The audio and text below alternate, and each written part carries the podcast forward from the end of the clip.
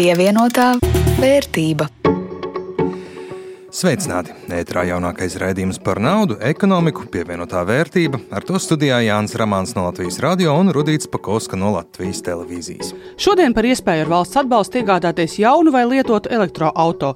Lēmumi ir pieņemti, praktiski atbalsts sāks darboties jau drīz. Nu tad kā to izmantot, cik var ietaupīt un uz kādiem likumu un tehniskajiem grābekļiem neuzkāpt? Un, protams, kā ierasts, ielūkosimies arī mūsu ieguldījumu portfeļos un padziļinātāk arī kādā Baltijas biržā kotētā uzņēmumā. Pievienotā vērtība. Vispirms par aktuālajām tendencēm ekonomikā. Krievijas kara Ukrainā pirmās sekas jau esam sajutuši. Pieteikti paskatīties uz degvielas uzpildes stāciju cenām, bažas par sankcijām, piegādēm uzsita pasaulē naftas cenu debesīs. Nu, kurš tad būtu domājis, ka par 50 eiro varēs nopirkt tikai nedaudz vairāk kā 25 litrus benzīna? Strauji reaģēja uz cenu kāpumu Latvijas tirgotāji. Nu, internetā sprāši jau smējās. Gan jau, ka lēnāk ies ar reakciju tad, kad cena kritīs. Tad būs mūsu tirgotājiem milzu krājumi, kas jāiztirgo pirms cenu samazināt. Bet, nu jā, principā cerības uz lētu degvielu jāmet pie malas. Jāteic, viss gan nav tik slikti. Pirmais cenu kritums naftas tirgu bija vērojams jau piekdien, 105-107 dolāri par mučelu naftas biržā pretstatā 125 dolāriem trešdien, ceturtdien. Redzēsim, vai tas uz ilgu vai tomēr cena atkal skries debesīs, bet brīvdienās pamanīja, ka mazliet tika pazemināta cena arī atsevišķās degvielas uzpildes stacijās. Netik strauji kā cenas paceļot, tas gan, un pie šī brīža biržas cenas litram dīzeļa vajadzētu Latvijā maksāt ap eiro 66.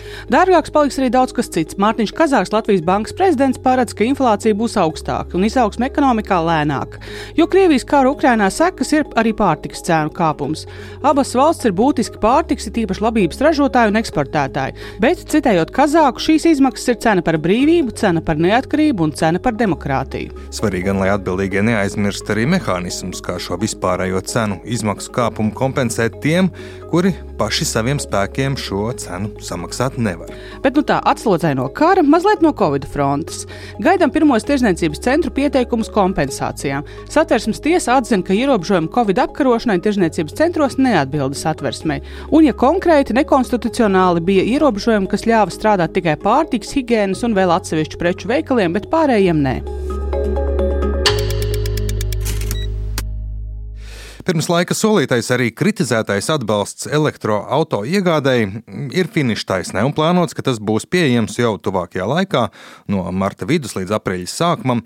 Valsts izstrādātā atbalsta programma elektroautorāta iegādēji fiziskām personām paredz par jaunu elektroautorāta iegādi piešķirt 4500 eiro, bet par lietotu vai lādējumu hibrīdu auto 2250 eiro. Vēl viens 1000 eiro atbalstā klāt, ja pārstrādē nodod veco iekšdedz dzinēju auto. Kā elektruma rīkotā webinārā par šo tēmu stāst uzņēmumu vidas investīciju fonds finanšu vadītājs Gins Kārkliņš pirms pirkt elektro vai kādu hibrīdu tehnoloģijas auto ar domu par atbalstu. Jāpārliecinās, ka gan pašam nav nodokļu parādi, alimentu parādnieku sarakstos nesat vai, piemēram, pasludināta maksāt nespēja, gan arī jāpārbauda tas, vai iecerētais spēkrats un tā izmantošanas ieceres atbilst konkursu nosacījumiem ar jaunu elektromobīlu es saprotu to, kas, kur nobraukums ir vismaz 150 km ar, starp uzlādēm, un maksimālais ātrums ir vismaz 90 km/h. Papildus nianse, kas ir ielikt iekšā noteikumos, tad par jaunu arī uzskatīs, ja viņš būs lietots mazāk par sešiem mēnešiem, nobrauc mazāk par 6000 km. Tātad šādiem elektromobiļiem atbalsts būs 4500 eiro. Lietotiem elektromobiļiem ir tieši tās pašas nosacījumi, izņemot, kad viņš nav reģistrēts Latvijā ilgāk par sešiem mēnešiem. Programma neatbalstīs, kad uh, nopirks lietot elektromobili, kurš jau iepriekš tika ilgstoši lietots Latvijā. Un papildus prasība nosacījums pārdošanas cena nav zemāka par 5500 eiro. Atbalsts šajā gadījumā būs 2250 eiro. Ja šos visus noteikumus ievērot, tad atbalsts tikšot piešķirts soli programmas īstenotāji, un mērķim atvēlētā nauda - 10 miljonu eiro pietikšot visiem gribētājiem šogad. Sarežģītā gan ir ar ārēji lādējumiem hibrīda auto. Tur tehniskajai specifikācijai un certifikātiem jāpievērš īpaša uzmanība. Tātad seg emisijas ir līdz 50 gramiem CO2 atbilstoši VLTP kombinētam ciklam, un ar uzlādi tikai no elektroenerģijas nobrauc vismaz 50 km. Kāpēc mēs šo akcentējam? Tāpēc, ka mēs redzam, ka būs daudzas mašīnas, kurām ražotāji noteiktie parametri ir ļoti tuvi šiem rādītājiem. Un, ja modelim kopumā viņš atbilst tā prasība, tad uzstādot papildus jumtu, piemēram, atveramo lūku vai spoilers, var ražotājs tieši konkrētām mašīnai pateikt, ka vairs nesasniedz 50 metru nobraukumu. Un tādā gadījumā, pat ja tas būs 49,5, tad tādā brīdī tāda mašīna vairs nebūs atbalstāma. Protams, elektroautorāta nav lēts prieks, un savā ziņā pamatot ir kritika šai atbalsta programmai par to, ka tā palīdz jau tā salīdzinoši turīgiem cilvēkiem tikt pie dārgiem elektroautorāta, ko nabadzīgāki cilvēki nemaz nevarētu atļauties iegādāties. Kopumā šobrīd, lai kā rēķinātu, elektroautorāta iegāde, eksploatācija, apdrošināšana tomēr izmaksā dārgāk nekā ekvivalenti iekšdedz dzinēja auto, taču tehnoloģijām attīstoties pat neierēķinot valsts atbalstu, Eiropas zaļo kursu un šī brīža ģeopolitisko situāciju un degvielas cenas, tuvāko piecu gadu laikā šī izmaksu starpība izzudīs. Par to pārliecināts Latvijas elektromobilitātes eksperts Edgars Korsaks-Mils. Līdz 2027. gadam varētu visās autogrupā iestāties tāda zināma cenu paritāte. Piemēram, C segmentā tas gaidāms jau 2026. gadā, viegliem komerctransportam pat jau 2025. gadā, un mēs redzam, ka gan ar to energoresursu cenu krīzi, gan politiskiem lēmumiem, gan visu esošo ģeopolitisko situāciju visticamāk, šie dati arī var nākt par labu elektroautorāta iegādēji. Piebildīšu, ka Latvijas energo pēdējā laikā īpaši testējis Latvijas tirgu nopērkamo elektroautorāta modeļu efektivitāti atbilstoši vietējiem apstākļiem, kas svarīgi. Un šie dati tagad pieejami visiem elektroautorāta testu katalogā. Ja projektu un konkursu rīkotāji saka, traki steigties nevajadzētu, un šogad jau naudu un atbalsts pietiks visiem gribētājiem, autotirgotāji nav tik optimistiski un saka, lai paspētu uz naudu pretendēt, jāsāk darīt un domāt jau tagad. Jo situācija pasaulē dēļ pandēmijas, mikročipu trūkuma un tagad arī dēļ Krievijas iebrukuma Ukrainā nozīmē, ka jaunu auto nopirkt ātri ir visai sarežģīti. Vilnis Debesnieks no Skandi Motors. Piegādes termiņi ir 4 mēneši, 9 mēneši, varbūt pat vairāk. Ja? Līdz ar to, ja ir interesi iegādāties eh, elektromobīlu, izmantojot šo atbalstu programmu, es iesaku varbūt neatlikt. Un jau tiklīdz būs iespējams nu, interesēties par tieši par modeļiem, kurš eh, varētu būt tas, kas ir, kas ir eh, atbilstoši vajadzībām, un iespējams jau tagad savukārt pieteikties laicīgi lai varētu laicīgi veikt mašīnas pasūtījumu un laicīgi piegādāt. No šī fakta izriet vēl kāds padoms - apdomāt un saprast pareizo brīdi, kurā norakstīt veco automašīnu. Pie norakstīšanas tiks izsniegts likvidācijas certifikāts, kurš arī būs jāpievieno iesniegumu. Šis certifikāts ir um, derīgs pusgadu. Tas nozīmē, ka, ja pirms mašīna ir jāsūta, tad tur arī jā, jānoprognozē šis moments. Ja piegāde ir pēc deviņiem mēnešiem, jā, tad varbūt tā norakstīšana jāveic neatrāk, lai tuvāk tam brīdim, kad jauna mašīna jau ir klāta. Vēl jāpiebilst, ka jaunā elektroautorāta cena, lai saņemtu valsts atbalstu, nedrīkst pārsniegt 60 000 eiro, un piecus gadus atbalsta saņēmējs tiks pieskatīts, vai izpildu nosacījums, vai nobrauc vismaz 51,000 km šo piecu gadu laikā. Ja nē, nauda būs jāatmaksā. Bez naudas lietām vērts arī kārtīgi pārdomāt to, kā auto tiks lietots, kur lādēts, un, ja plānojat auto lādēt paša mājās, jāreikinās, ka Uzlādēšana no parastās kontaktligzdas būs gana gausa, lēna, bet ātrāku un ērtāku risinājumu ieviešana mājā nozīmēs papildu izdevumus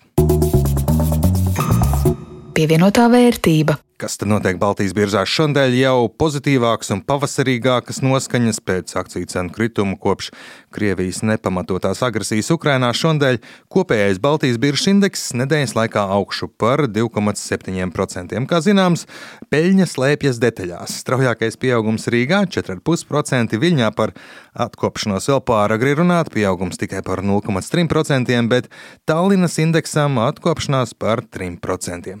Tirgotākās akcijas Baltijas Baltijā pirmajā vietā Igaunijas finanšu grupa LHV Group. Darījums 6,2 miljonu eiro vērtībā un akciju cenai kāpums par 7,5%.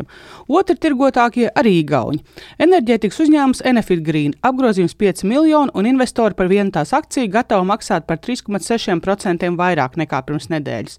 Trešie no Lietuvas - Šauļu banka. Apgrozījums mazliet virs 4 miljoniem eiro un akcijas cenai 2,7% kāpums. Manā ieguldījuma portfelī, kur ir arī Enefit Green akcijas un bez Latvijas uzsvars uz Igaunijas uzņēmumiem, kopš kara sākuma šī bija pirmā nedēļa ar pluszīmi. Kopējā vērtība portfelim šobrīd ir 443 eiro, un salīdzinot ar aizdīto nedēļu, ir izdevies atgūt 10 eiro. Atzīšu, ka redzot straujo vērtības kritumu no 500 eiro teju līdz 400 eiro šonadēļ, pazudēja doma, bet varbūt viss jāpārdod un jāpērk tad, kad būs pavisam lejā. Tagad redzu, ka šādi, ja būtu rīkojies, būtu iekritis klasiskajās lamatās un pazaudējis, piemēram, 7% portfeļu vērtības pieaugumu ceturtdien, kad tirgi ļoti strauji devās augšu. Kā tev, Rudīt, veicies? Nu, man arī kāpums pret iepriekšējo nedēļu. Šobrīd 13% plusā vai 42,67 eiro. Nu, labi, turās Linas agro akcijas. Laikam visi apzinās, ka pārtiks ražotāji tagad zelta vērtē. Lielākais kritums paneveža statubas trestas. Pieļauju, ka tādēļ, ka sankcijas pret Krieviju neko labu nesola būvniecības nozarei. Nu, jau tagad ir skaidrs. Izmaksas augs un iespējams projekts nāksies iesaldēt. Un labi, ka neesam ieguldījuši neko Krievijas akciju tirgu, jo arī šonadēļ Maskavas birža paliks slēgta un tiem, kas ieguldījuši naudu tur šobrīd, nav iespējams neko nepārdot, nenopirkt. Krievijas birža sāk man atgādināt tādu kā mm, Šredingera kaķa kastē, kurš teorētiski ir ne dzīves, ne miris, kamēr viena kaste nav atvērta un pārbaudīts. Nu, acīm redzot, pēc straujā Krievijas rubļa krituma un kara sākuma Krievijas centrālajai bankai nav drosmes pārbaudīt pulsu Maskavas biržai. Bet, nu, atgriežoties pie pašu biržas, kā ierasts, padziļināt šoreiz pētījums pētīsim kādu Baltijas biržā kotētu uzņēmumu. Uzņēmumu Text Magic, kas bāzējas Igaunijā, nodarbojas starptautiskajā tirgū, piedāvājot īsziņu mārketinga pakalpojumu. Text Magic akcijas ieguldītāji var iegādāties kopš pagājušā gada decembra, bet Linda Zalāna skaidro, kā uzņēmums pirmajos mēnešos veicies biržā un cik iekārojams ir tā akcijas. Text Magic ir starptautisks biznesa īziņu uzņēmums, kas palīdz mazajiem uzņēmumiem piesaistīt savus klientus, izmantojot īziņu mārketingu. Digitālā mārketinga speciālists aģentūras New Black īpašnieks Artūrs Mednis teica, ka SMS mārketings ir sens rīks, bet tas savu pozīciju lēnām zaudē. Lai gan mobilo telefona lietotāju skaits gadu no gada pasaulē aizvien pieaug, piemēram, aplēses liecina, ka šogad mobilo telefonu lietotāju skaits sasniegs 600 miljardus lietotāju, tomēr tas tas nenozīmē, ka klasiskā īziņu sūtīšana un saņemšana nezaudē savu aktualitāti. SMS loma mazinās, jo SMS tiek aizstāts ar atsevišķiem messengeriem un pat vēl vairāk ir sociālie tīkli, kuros šī saziņa jau ir iebūvēta iekšā. Kā rezultātā SMS kā formāts paliek vienkārši vecmodīgs, novecējošs saziņas instruments, īpaši tāpēc, ka nevienmēr mēs varam dalīties ar visu saturu SMS pilnvērtīgi. Piemēram, ja man ir iPhone un jums ir Androids, ja, tad Apple Messages nestrādās ar šiem abiem telefoniem. Kā arī jāņem vērā vēl viens būtisks aspekts tieši konkrētā izskatītā uzņēmuma kontekstā runājot. Uzņēmumi aizvien vairāk iegulda un turpinās ieguldīt vēl vairāk daļu sava mārketinga vai digitālā mārketinga vai komunikācijas budžeta tādos kanālos kā sociālie tīkli un meklēs aizvien jaunas iespējas, kā sasniegt savu auditoriju Un šeit ir uzsvars uz vārdu jaunas, nevis vecas. Tātad viņi skatīsies, ko mēs varam darīt tik tā kā nevis, hei, SMS pareizi, visiem taču ir telefonu lietosim SMS, jo tad jau priekš kam mēs darām sociālos un visu pārējo, ja varam tikai SMS lietot. Tāpat laikā Mednis ir pārliecināts, ka SMS mārketingam nav iestājies pilnīgs norieta laiks. Šo kanālu mārketingā izmanto un izmantos, un no tā nebūtu nevajadzētu atteikties. Turklāt tehniskās iespējas, kuras var izmantot SMS mārketingā, arī nestāv uz vietas. Ir lokālie spēlētāji Latvijas tirgu, ir lokālie spēlētāji, es domāju, arī katrā tirgu, katrās valstīs. ASV, protams, tādu spēlētāju ir visvairāk. Taču visbiežāk mēs tomēr to redzam kā globālu konkurenci, kur uzņēmumam jākonkurē ir ar globāliem konkurentiem, it sevišķi, ja uzņēmums pats iet iekšā citos tirgos, viņš jau kļūst par konkurentu arī citiem uzņēmumiem. Globāli darbojas arī Higauņu uzņēmums Text Magic, jo tas SMS mārketingu kā pakalpojumu nodrošina ASV, apvienotajā karalistē, Kanādā un Austrālijā. Text Magic akcijas ieguldītāji var iegādāties kopš pagājušā gada decembra.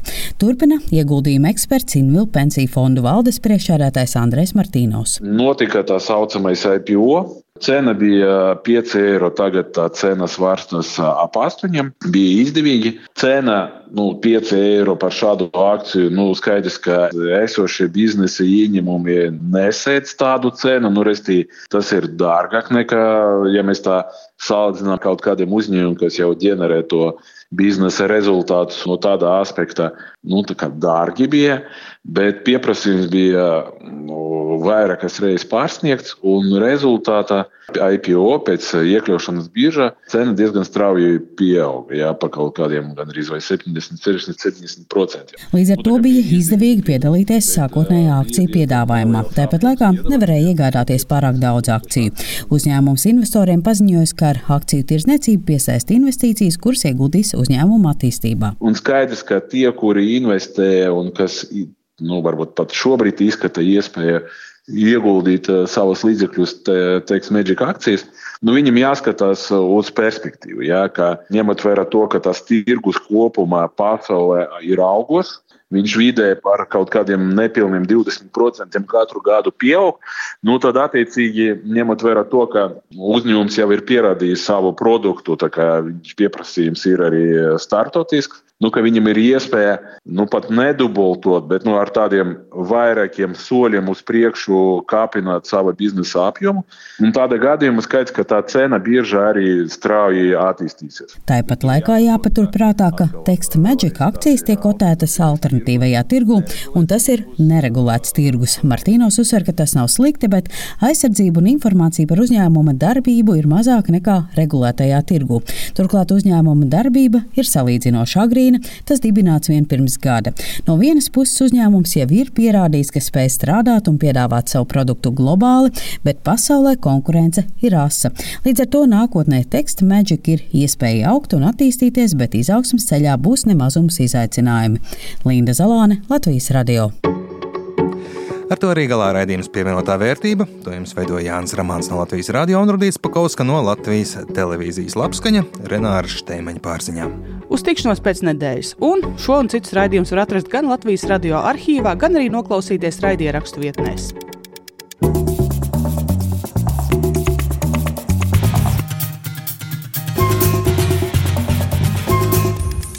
Pievienotā vērtība.